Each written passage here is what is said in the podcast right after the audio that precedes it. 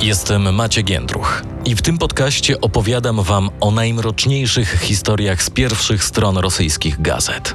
Dzisiaj przybliżę Wam kilka postaci z półświadka, którzy zostali specjalnie uhonorowani przez Władimira Putina za swoją działalność, albo takich, którzy mimo swojej gangsterskiej przeszłości pomagają dzieciom w Afryce. Zapraszam. Ruska mafia w RMFFM. Szlachetni gangsterzy, czyli rosyjscy mafiozi, zaangażowani w akcje charytatywne. Sekwencja pierwsza. Pseudobohater. Portal The Insider dotarł do aktu zgonu Iwana Nieparatowa, urodzonego w 1988 roku. Według tego dokumentu Nieparatow zmarł 5 sierpnia 2022 roku w Bachmucie. Przyczyną śmierci był odłamek materiału wybuchowego w głowie. Iwan Nieparatow był przywódcą gangu pod Moskwą. W lipcu 2013 roku on i członkowie jego grupy zostali uznani za winnych pięciu morderstw, trzech napadów rabunkowych, wymuszeń, oszustw, nielegalnego posiadania broni i innych mniejszych przestępstw. Został schwytany przez rosyjskie organy ścigania i otrzymał wyrok 25 lat więzienia. Jak wynika z akt, w latach 2009-2010 Nieparatow zabił trzech swoich znajomych, którzy pożyczyli od niego pieniądze i ich nie zwrócili. On i jego wspólnicy również udusili kobietę i ukradli jej 100 tysięcy rubli. Tym samym czasie Nieparatow i jego partner w ciemnych interesach wyciągnęli ponad milion rubli od mieszkańca podmoskiewskiej mieściny. Jak przeczytałem na portalu The Insider, powiedzieli mężczyźnie, że zostali wynajęci jako płatni zabójcy. Jeśli da im pieniądze, to go nie zamordują. W marcu 2010 roku Nieparatow rozprawił się z członkiem gangu, który odmówił doprowadzenia rabusiów na miejsce kolejnego przestępstwa, krzyżując tym samym ich plany.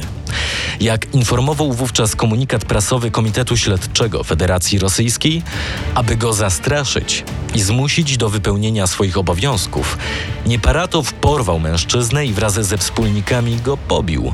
Następnie zadał mu co najmniej 88 ciosów nożem w ciało.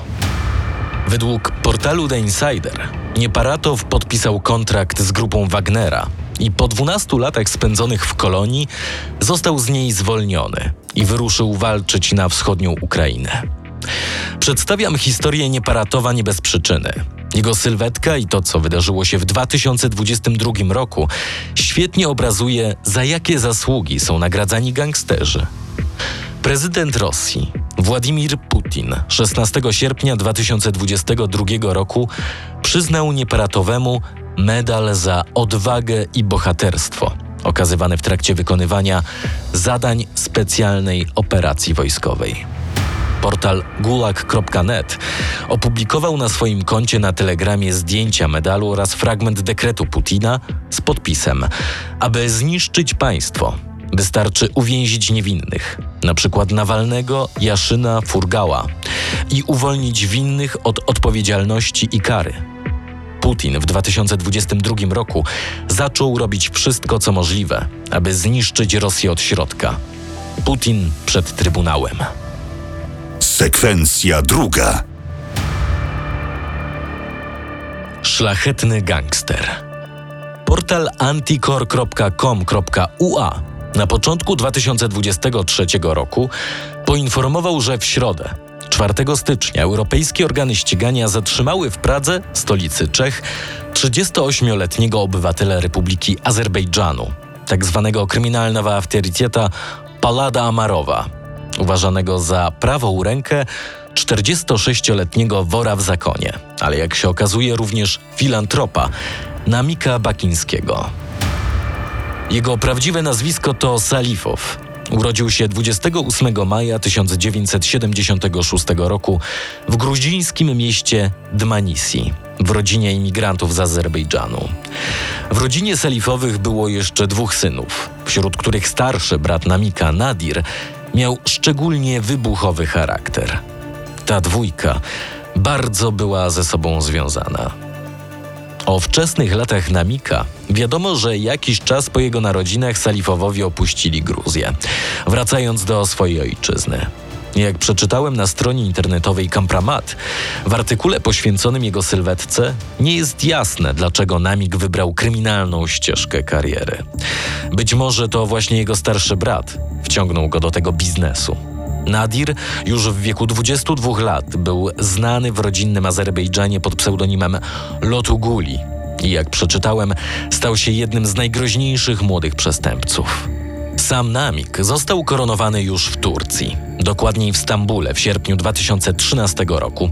Koronowany, czyli został uznany worem w zakonie. Nazwisko Namika po raz kolejny pojawiło się na rosyjskich portalach w kwietniu 2023 roku. Na kanale crimetime.ru został opublikowany krótki filmik z informacją, że azerbejdżański wor w zakonie, Namik Salifow, znany pod pseudonimem Namik Bakiński, zorganizował pomoc dla 50 sierot w Kamerunie w świętym miesiącu Ramadan. Zgodnie ze zwyczajem, wor w zakonie corocznie w czasie świętych miesięcy przekazuje datki na rzecz sierot i ubogich rodzin. Sekwencja trzecia. Afera zegarkowa. Uważany za szefa jednej z najpotężniejszych grup mafijnych w historii Rosji, Siergiej Michajłow pochwalił się na swojej stronie internetowej, że dostał od Władimira Putina nagrodę w postaci luksusowego zegarka. Było to w roku 2014. Choć Putin sam prawdopodobnie miał bliskie kontakty z gangsterami w latach 90., to za czasów swojej kadencji niejednokrotnie wspominał o tym, że zamierza walczyć ze zorganizowaną przestępczością. Nie przeszkodziło mu to jednak w tym, by nagrodzić jednego z najpotężniejszych ludzi półświadka lat 90., choć oficjalna wersja Kremla była inna. Michajłow, pseudonim Michaś, umieścił na swojej stronie internetowej informację, że 14 maja 2014 roku Władimir Putin wręczył mu nagrodę w postaci zegarka prestiżowej marki. Na dowód Michajłow umieścił w internecie jego zdjęcia oraz certyfikat podpisany przez Putina. Rzekomo.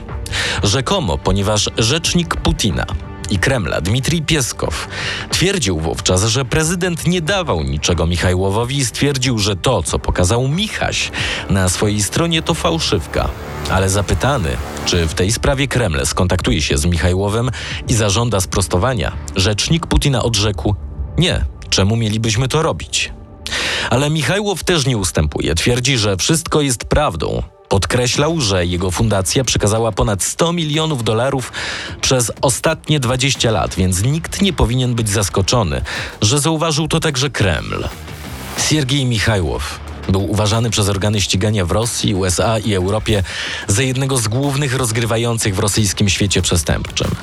Ale też nigdy nikomu nie udało się go skazać. W liście otwartym do mediów Michajłow bronił swojej reputacji. Napisał: To prawda, byłem zatrzymywany i w Rosji, i za granicą. Ale na koniec zawsze mnie przepraszali. W następnym odcinku. Istnieje wiele dowodów i dokumentów potwierdzających, że Władimir Putin jest powiązany z działalnością mafii tambowskiej, zorganizowanej grupy przestępczej dowodzonej przez Władimira Kumarina. Takie zdanie można przeczytać na jednej z rosyjskich stron internetowych.